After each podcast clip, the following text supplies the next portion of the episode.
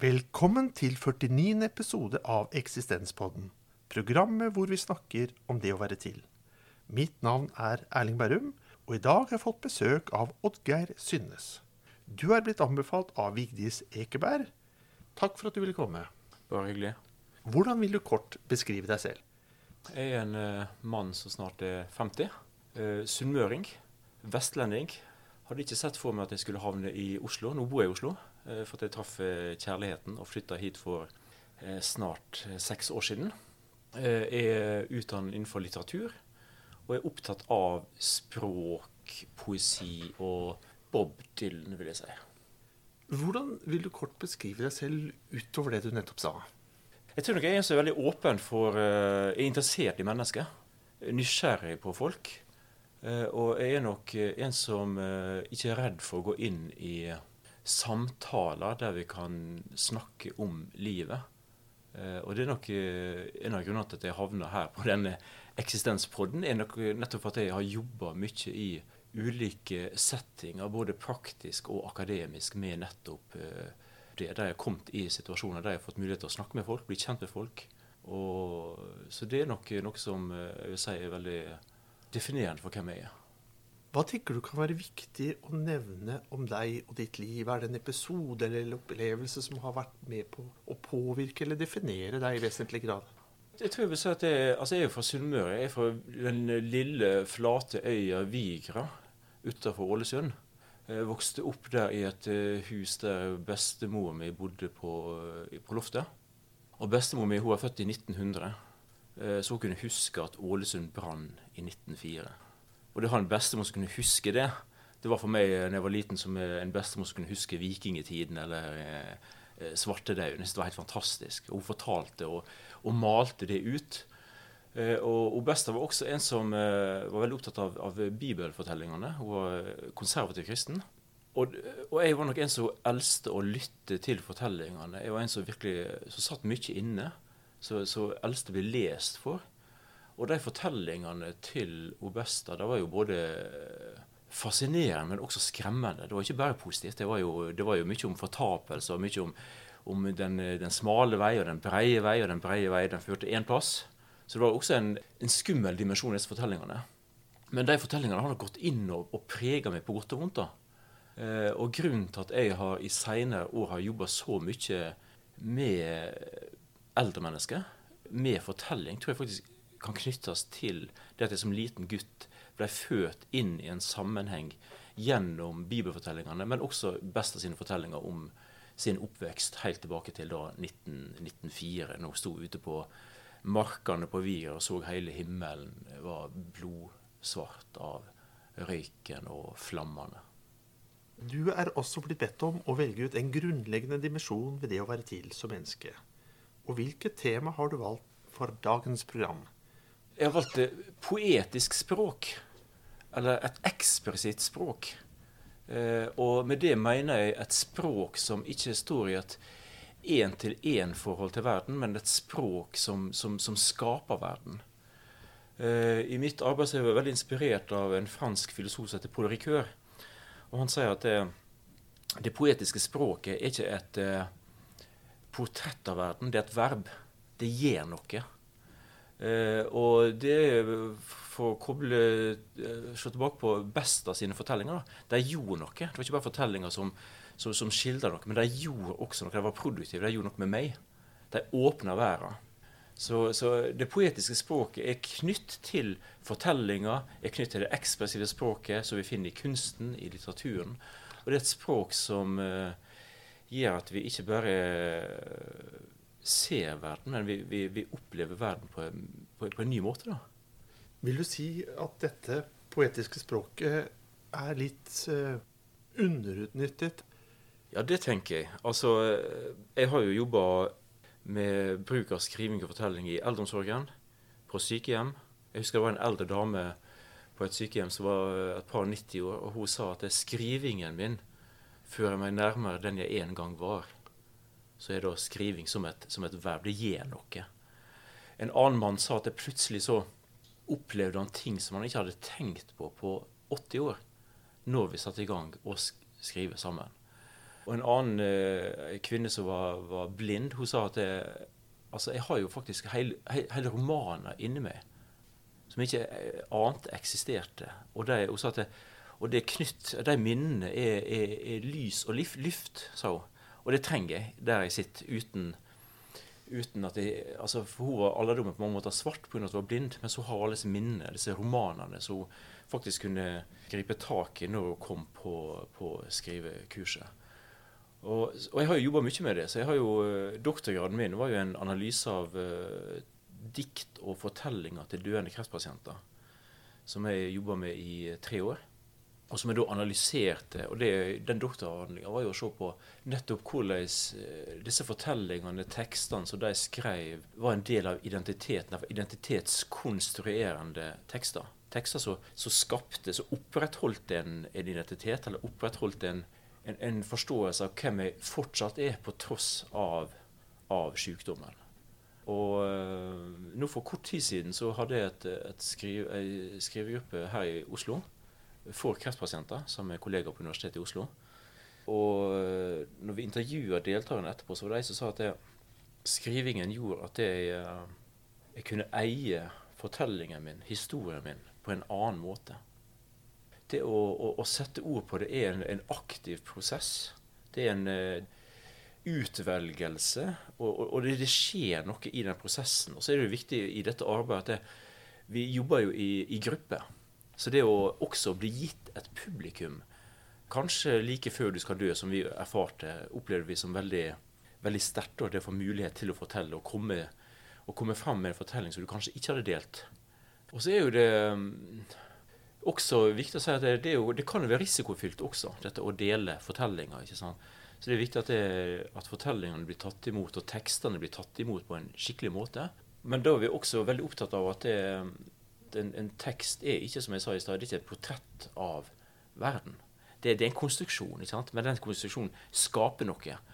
Men det å, å, å, legge fram sin fortelling for et publikum kan jo være risikofylt. Men det vi er veldig opptatt av i, i gruppen, er å si at det, denne teksten er én mulig variant av mange. Det er ikke et, et, vindu inn i ditt indre. ikke sant? Dette er en mulig variant som du velger å dele. Og Der har jo jeg vært veldig inspirert av en, en, dansk forfatter som en gang sa at kunsten viser en hemmelighet uten å røpe den. Vil du si at når vi da skriver eller bruker poetisk språk på andre måter, at vi inntar en litt annen posisjon i oss selv enn det vi ellers gjør i hverdagslivet? Ja, det, det tror jeg absolutt. At det du Altså at du får et, et, et, annet blikk, og kanskje en mulighet til å se din situasjon fra en, et, et, annet perspektiv. da. Et eksempel på det var jo uh, en som skrev på det, i det kurset jeg hadde blant, uh, blant uh, alvorlig syke og døende kreftpasienter. Så var det ei som skrev om den dagen hun fikk diagnosen. og Hun skrev at det, det var den dagen hun opplevde at hun var lykkelig. Altså at gjennom teksten så fant hun noen ressurser som hun ikke hadde tenkt, tenkt over før. Og, det tenker jeg også er så, er så interessant at uh, skrivingen skjer i en, i en, gruppe. da Vi jobber veldig mye i, i gruppe. At vi møtes over tid. Det er jo at det, min tekst kan også sette i gang uh, en forståelse hos den som får lytte til det. Det opplevde vi på det ene kurset jeg hadde på et hospice. Det var dagpasienter på et hospice. Eh, og Der ga jeg en gang oppgaver om at jeg skulle skrive om, om hverdagen. Og Der var det en, en mann i midten av 50-åra som sa at ja, men den oppgaven går det ikke an å skrive, for det, hverdagen har jo forsvunnet. Det fins ingen hverdag mer. Så var det nesten et ekko av dette kjente diktet til, til Gunvor Hofmo. Og da eh, spurte jeg men hvis du orka, kunne du klart å skrive en tekst om nettopp denne hverdagen som har forsvunnet? Og det gjorde han. Det ble en utrolig interessant tekst så ble det en undersøkelse ok, hva består hverdagen av nå, når hverdagen har forsvunnet. Det ble et, eh, det ble, man sa at det, og det, det, var ikke mulig å skrive en fortelling om det, for nettopp eh, fortellingen hadde jo nesten blitt pulverisert. Altså, hvor er min fortelling på veien? Så han, altså, han skrev det som et essay. Og han malte det ut og, og skrev at uh, før han ble syk, så, så, var jo hverdagen det som ikke ga livet mening. Det var det han måtte prøve å unngå for at livet skulle gi mening. Det var, det var konsertopplevelsen, det var ferieturen, det var Men når han hadde blitt kreftsyk og visste han skulle dø, så var det den, den gamle hverdagen han savna. Men nå var den gått tapt. Så det var jo, en, det var jo på mange måter en, en, en tragisk innsikt, skrev han. Det var det sjølsagte hverdagen som han nå lengta tilbake til. Men det som også var interessant med den teksten, det var jo at eh, det gjorde noe med gruppa at denne teksten ble presentert i gruppa. For flere av deltakerne sa at du har 70 ord på en erfaring som flere kjente seg igjen i, men som de ikke hadde hatt et, et språk for. Og det var jo også fikk jeg tilbakemelding fra, fra flere av de som jobba på denne, dette hospicet, at, det, at skrivingen gjorde at, det, at deltakerne begynte å snakke om, om, eksistensen. Om det at de skulle dø. Uten at det var det som var fokuset. Jeg, jeg har aldri spurt direkte nå skal du skrive om sykdommen din. Jeg har gitt deg åpne, men konkrete oppgaver. F.eks. For fortell om en viktig dag i ditt liv, eller hvis du kunne reise tilbake til ett sted du har vært, hvor vil du da reise? Skrive et brev til eh, en du ikke har snakket med på, på lang tid. ikke sant? Og så ser vi at det, Men mange bruker jo da den muligheten til også å nærme seg sykdommen. Men så blir det skapt dette, nesten dette refleksjonsrommet, da, der eh, nettopp tekstene gir at det åpner seg en, eh, en, en mulighet for å snakke om, om ting men der deltakerne også har den tryggheten at det, det, er teksten som skal ha fokus, men teksten åpner også for samtaler om, om det eksistensielle. Åpner seg på mange måter verden da, gjennom, gjennom skrivingen og gjennom, gjennom, det at vi lytter til hverandre sine tekster. Basert på det du sier, så tenker jeg jo at eh, det burde være rom for at vi alle skulle skrive mer. Ja. Jeg ser også for meg at eh, vi i tillegg til kanskje lesegrupper som er godt etablert mm. i dag, også burde mm. begynne å få skrivegrupper. Ja. Og med tanke på den erfaringen som den ene personen du viste til, gjorde om hva som var meningsfullt, og når mm. det var meningsfullt, ja. så kanskje det hvis vi skrev mer sammen i grupper, mm. så ville vi kanskje få fram mer av det vi opplever som meningsfullt i livet her og nå. Ja. Uten at vi nødvendigvis trenger å bli syke også. Ja, det, det tror jeg absolutt. altså. Og jeg har jo jobba veldig mye inn mot, eh, mot eh, sykdom. Men ikke bare. Jeg har jobba blant, eh, blant eldre mennesker. Så altså Heimeboende, alminnelige, hvis jeg kan bruke sånt, sånt ord. Vanlige eldre mennesker. Det har jeg også jobba mye med. Og, og sett, sett hvordan, hvordan, gleden av å skrive Det er gjerne ikke noe for alle, men jeg tror veldig mange har glede av å skrive og har et potensial. Og vi har jo gitt ut både bøker og fått publisert tekster i ulike sammenhenger. Og vi har jo sett at uh, skrivegleden er uh, rikelig fordelt utover, utover også de eldre, eldre generasjonene. Og, men, men, veldig mange som jeg har møtt på mine kurs, har nok også hatt en tanke om at de ikke kan skrive. At, at det er noe for de som, som har gått på kurs eller har et spesielt talent. Så de aller fleste av våre deltakere har jo ikke skrevet Av de eldre, da, har jo ikke skrevet siden folkeskolen.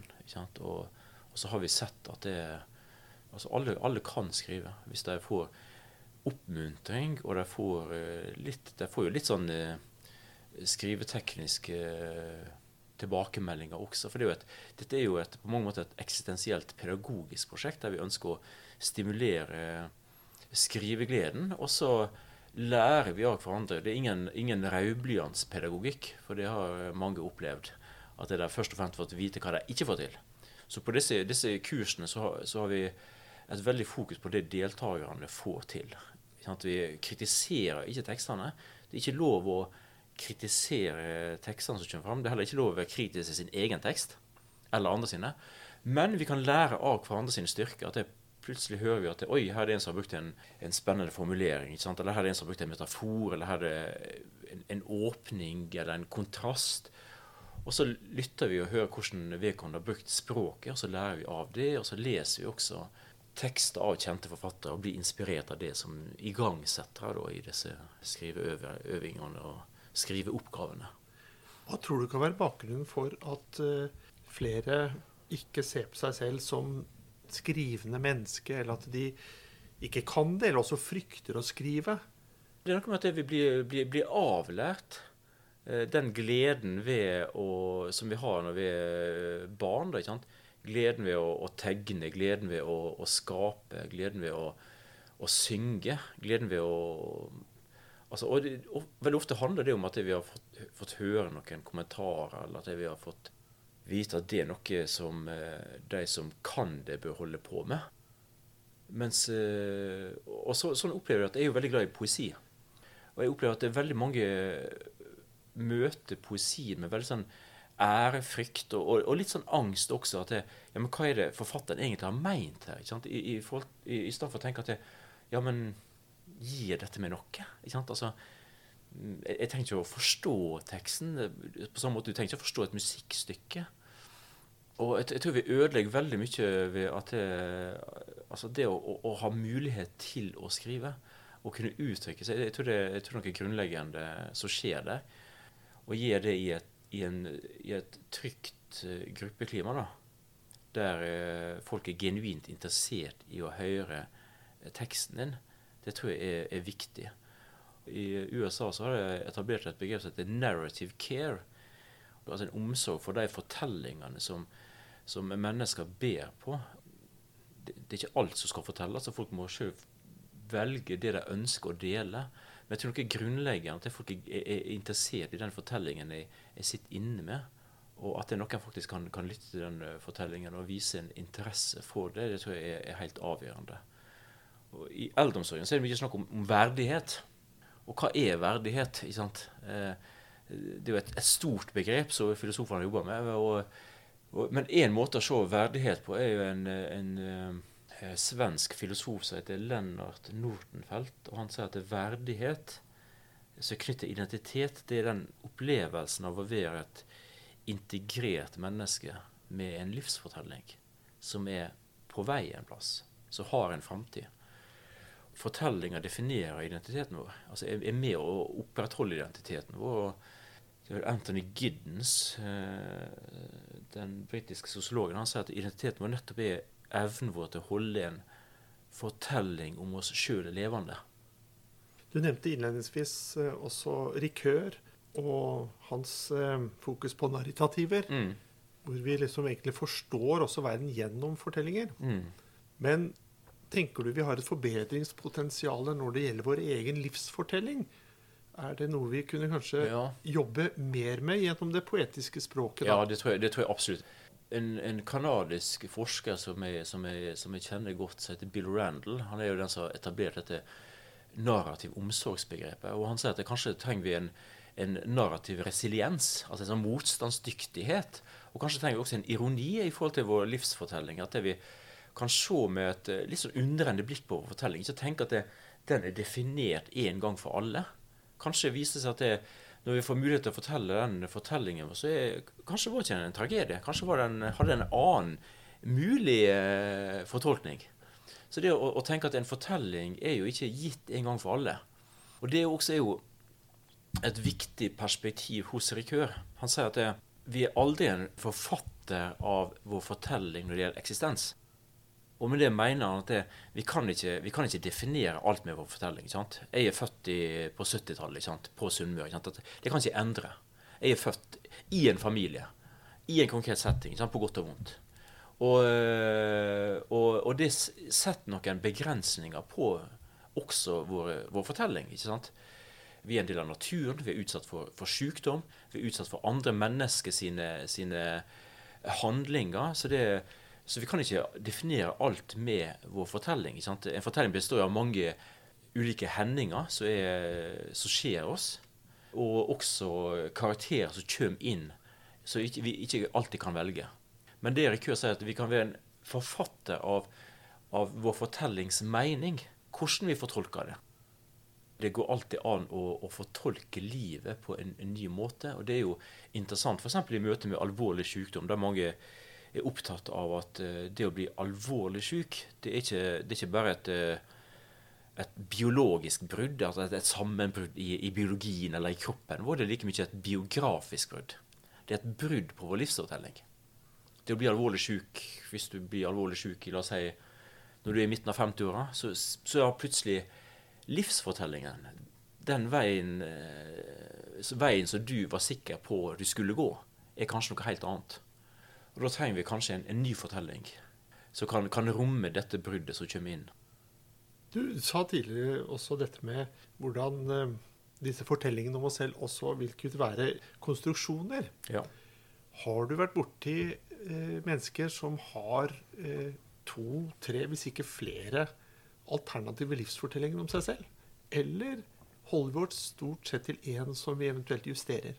Ja, Det syns jeg er et, et, vanskelig spørsmål. For så godt jeg kjenner nok ikke mine deltakere. Altså jeg, jeg, tror nok at det mange har ulike Vi har jo alle mange ulike versjoner inni oss. Og jeg tror nok at det, den delen du velger å fortelle også i en gruppe, er en annen fortelling enn den du kanskje forteller til din, din nærmeste. Men jeg har nok erfart at, at deltakere sier at det de har, har, har sett fått et annet perspektiv gjennom skrivingen. ikke sant? At de har sett noen sammenhenger i livet som de tidligere ikke så. Det, det opplevde jeg jo i arbeidet med alvorlig syke og døende kreftpasienter. At de, at de bevisst leter lette gjennom språket. Så, så da, da, vi, da, nerver vi oss jo terapien også. Dette arbeidet, jeg, jeg kaller det en form for eksistensiell pedagogikk. Det er en, eh, en eksistensiell form for kanskje, kanskje omsorg, hvis jeg, uh, kan si det. Uten at det er terapi. Det er ikke at jeg skal gå inn og endre noe. Jeg, skal, jeg, jeg prøver å, å, legge til rette for at det, deltakerne kan uttrykke seg i et språk som gjør at de kan, kan, få et litt annet perspektiv sant, på seg sjøl. Bare det eksempelet jeg brukte i stad med, med hun som nå har hatt kreft, og som sa at jeg opplevde at jeg kunne eie historien min på en annen måte er jo en, en sånn måte at skrivingen kommer inn, og du, og, du, og du, ser livet på en litt annen måte. Et annet eksempel var jo eh, på, på hospicet, der en uh, av deltakerne sa at det, du aner ikke hvor mange ganger jeg har, i stedet for å bekymre meg over sykdommen, så har jeg sittet og nesten i en sånn frydefull rus sittet og forberedt meg til skrivingen. ikke sant? Og skrivingen har, har, har fylt meg helt. Sier at jeg rett og slett har fått en avstand til sykdommen. og det der sykdommen tidligere var altoverskyggende, så har liksom skrivingen altså kommet inn og gitt et annet perspektiv, et annet um, refleksjonsrom. Du sa dette med at det å, å bli alvorlig syk, hvordan det ikke bare kan være et brudd i biologien, men også biografien. Mm. Vil det i slike situasjoner være slik at uh, det poetiske språket, eller hvor du da skriver mer skapende, er en måte å gjenopprette eller skape en ny sammenheng i sin egen livsfortelling? Ja, eh, det er jo stor forskningstradisjon med det som heter sykdomsfortellinger, eller illness narratives. Og det er jo nettopp der det er snakk om narrative repair, eller narrative reconstruction. En av de som har jobba mest med det, som heter Arthur Frank, som har gitt ut en bok som heter The Wounded Storyteller er jo nettopp opptatt av det at, det, at sykdommen er en ressurs. Sier at du kan finne en, en, en, vei videre. Du kan klare å fortolke og at sykdommen kan bli brukt til noe. Og så er, er, er, han jo veldig opptatt i den at det, det, det, er veldig viktig at dette ikke skal bli en sånn eh, forherligelse av fortellingene. Og en sånn, eh, nærmest et, et, et krav på uh, f.eks. de kreftsyke. at det, du må finne meninger. ikke sant? Altså, Kreftsykdom er jo, menings, er jo ikke meningsfull. Det å få kreftsykdom er jo en, en meningsløs erfaring på mange måter. ikke sant? Men, det, men det er mange som bruker fortellinger og kan finne noen ressurser. Men viktigheten er jo da at vekta skal ligge på at det, du kan, ikke, sant? ikke at det blir en forventning at, at alle kan finne en mening, at alle skal skape en, en mening. ikke sant? Det er også veldig viktig å erkjenne det meningsløse. Og, og, det var jo en erfaring som jeg, jeg, jeg så også i, uh, i arbeidet med, med de alvorlig syke kreftpasientene, Det var jo nettopp verdien, sånn som han som skrev om hverdagen som har gått tapt. Verdien av å faktisk kunne, kunne uttrykke det. Uh, og det som er viktig i den episoden, var jo det at, nettopp det at han sa at han Men han fikk et språk til å uttrykke også det meningsløse. Også tap av hverdagen lot seg uttrykke da, etter hvert ved å finne et annet språk. For han sa jo til å begynne med at det, det går det ikke an å, å, fortelle om, for den er rett og slett bare forsvunnet. Har du noen erfaringer med eh, frykt for å skrive? En ting er at man vurderer at man kanskje ikke kan, men at eh, man ser på det som en eh, litt skummel barriere, eller noe man har vanskelig for å gå inn i? Ja, altså Jeg vil jo tro at det er de som har den største frykten, ikke kommer på et, på et eh, skri, skrivekurs, eller en, en skrivegruppe. Eh, samtidig så, så, har jeg erfart at mange har, har vært, vært, skeptiske til å komme. Og har, har meldt seg på litt nølende. Og eh, jeg hadde en gang en, en skrivegruppe på et sykehjem i Bergen. Og da fortalte jo han, eh, han som jobba som aktivitør, da, at det første kursdagen så måtte vi nesten, nesten presse deg inn og ta for deg regulatorene. Ellers hadde de strøk på dør. For de var litt sånn skeptiske til at de hadde noe å fortelle. Hva handlet den motstanden om, tror du? Jeg, jeg tror det handler om, om, om uh, Dette er noen år, år, tilbake. Han skal være forsiktig med å generalisere. Men jeg tror iallfall at uh, i hvert fall den generasjonen eldre som var når jeg begynte med dette her på tidlig 2000-tallet, det var en generasjon som aldri var vant til å sette seg sjøl i, i uh, høgsetet. Ikke vant til å stå på en scene, ikke vant til å selge seg sjøl inn med at jeg har noe å komme med. Det tror jeg nok er en uh, Det kan jeg si på generelt grunnlag. Så uh, dette med at det og det høres jo litt sånn kanskje For noen som aldri har skrevet siden de gikk på folkeskole, så kan det høres litt voldsomt ut å skulle skrive. Men min erfaring er jo at får jeg deltakerne først til å komme på den første kurshandlinga, så blir de værende. Og de ønsker også å, å fortsette. Har du erfaringer med deltakere som opplever skrivesperre, og eventuelt hva gjør du for å overkomme den? Det som er viktig, er at det, vi, må, vi, må, tone ned eh, at det, prestasjonsangsten. Så når jeg, når jeg får jeg det først til å komme på den første samlinga, så er jo det veldig viktig at, uh, å få det til å skrive alle de første kurssamlinga. Og, og, og, ikke gjøre det så, så, stort. Så det, det første oppgaven jeg får, er en sånn oppgave der jeg får eh, ikke mer enn fem minutter å skrive. Slik at det, det gjør at det blir litt lettere. Hva slags type skriveoppdrag kan det være? For eksempel, som jeg sa i stad, altså eh, det å, å, se tilbake til et tidlig barndomsminne og bruke minnet og bruke sanser og skrive det fram. Hva, hva ser du i det, i det barndomsminnet du nå uh, trekker fram? Hva, hva lukter kjenner du? Vær, vær mest mulig konkret. Og, og så uh, ber jeg dem om å lese det høyt hvis de, hvis, de, hvis de, tør. De fleste gjør det. Men ellers så, så ber jeg dem å få lov å, å, å lese det høyt sjøl. Og så kommenterer jeg de ulike tekstene ikke sant? med fokus på det som jeg ser i tekstene. Da, ikke sant? Og, og, da, og det som, som, skjer, er jo at folk blir veldig slått over hvor mye som kommer frem bare på en sånn femminutts skriveøvelse. Eh, og hvor mye potensial som ligger i en sånn skriveøvelse og, og, hvordan vi, det åpner seg, seg eh, et rom da, i, i, de ulike deltakerne, så at vi blir veldig nysgjerrige. Så, så, min erfaring er at etter en sånn skriveøvelse får folk lyst til å skrive mer. Legger du opp til noe refleksjon også over valg av minner? Ja, første gangen eh, Jeg har jo også jobba med unge voksne med psykose. Og der er det viktig at det, det første, første skriveoppgaven der om minnet var jo at jeg, vi knytta til et positivt minne. At vi ikke skulle, skulle, begynne å skrive med noe som potensielt kunne være traumatisk og vanskelig. Men eh, det vi er opptatt av, er primært at de skal, skal, skal, skrive vi, vi skriver ut ifra Ofte vi leser eh, dikt, f.eks. Vi leser tekster av, av kjente forfattere. Så ser vi på hvordan de har har jobba med språket. Og så, og så, bruker vi det på vårt eget liv. Men også fantasi. Altså det er viktig at det, disse skriveøvelsene og skriveoppgavene ikke, trenger ikke være knytt til, til, din person. Det kan også være, være fantasitekster, men det kan også være, være, tekster om her og nå, og tekster om framtida. Det er også viktig at det, vi, det, er ikke, det er ikke kun et sånt reminiscens eller minnearbeid, det er også tekster om her og nå. Vi nærmer oss eh, slutten av dagens eh, samtale. Og hvis noen av lytterne lar seg inspirere av tanken om å kanskje utøve sitt eget poetiske språk i større grad, ja. har du noen um, anbefalinger til de, da? Ja, jeg uh, begynner å skrive. og det, det, høres jo litt sånn det, det, er jo, det, er jo, krevende. Men jeg tenker at skriving henger veldig sammen med lesing. Så til mer han leser, til mer får han lyst til å skrive. Så det å, å lese, lese, poesi og la seg inspirere av andre forfattere tror jeg er en veldig viktig del av det. Og kanskje finne noen å skrive sammen med. Det er noe med eh, Jeg opplever det som veldig, veldig, veldig viktig i dette arbeidet, er jo Altså, det, er ikke, det er ikke nok å ha en, en fortelling, eller det er ikke nok å ha, eh, ha ting du ønsker å skrive. Du trenger også noen som faktisk legger til rette, noen som, som tar imot den fortellinga. Det, det er en eh, viktig del av det. Det er også slik at eh, avslutningsvis på samtalen Eksistenspodden så legger vi opp til muligheten for å dele noen visdomsord eller annet.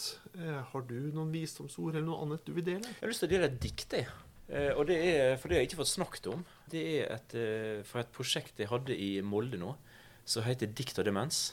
Der jeg har, sammen med personer med demens har vi laga dikt. Det vil si at vi har hatt samtaler med dem. Vi har tatt opp på lydbanen samtalene. Så har vi transkribert det, og så har vi gjort små redigeringer. Jeg er også en, en poet eh, fra Molde som heter Arne Ruseth. Og det vi har sett, er jo hvor utrolig mange gode formuleringer som var i disse samtalene. Ofte formuleringer vi ikke la merke til når det skjedde. Eh, så dette arbeidet har vi jo eh, da gitt ut i en, i en egen diktbok. Og vi syns jo at tekstene er så gode at de fortjener et større publikum. Og eh, vi erfarte jo også at eh, dette diktet som jeg nå skal lese, som heter 'Nordlyset' av Ingeborg Mølmen, det ble fanga opp av, eh, av Aschehoug og Aschehoug sitt Ren poesis julehefte. Så Ingeborg som, debuterte som lyriker sammen med Jan Erik Vold, Cecilie Løveid og flere av de store norske lyrikerne nå i det juleheftet som kom, og så var til salgs i alle bokhandlene i hele Norge. Og det viser jo litt om, om potensialet som er i språket vi har i oss, og viktigheten av å, av å lytte, og kanskje komme inn med et litt annet blikk. Så jeg syns det er fint å avslutte med, med en tekst av en av deltakerne. Så dette er diktet 'Nordlyset' av Ingeborg Mølmen. Nordlyset. Husker en kveld jeg kjørte hjem fra Narvik. Jeg kom til broa, og der. Jeg stoppet bilen og gikk ut. Det var akkurat som nordlyset ordnet noe inni meg. Jeg kom ikke hjem før det ble natt. Da takker jeg deg for samtalen. Takk også til deg som lytter for å ha fulgt oss denne gang. Vi høres igjen, og inntil da, ha det bedre enn bra.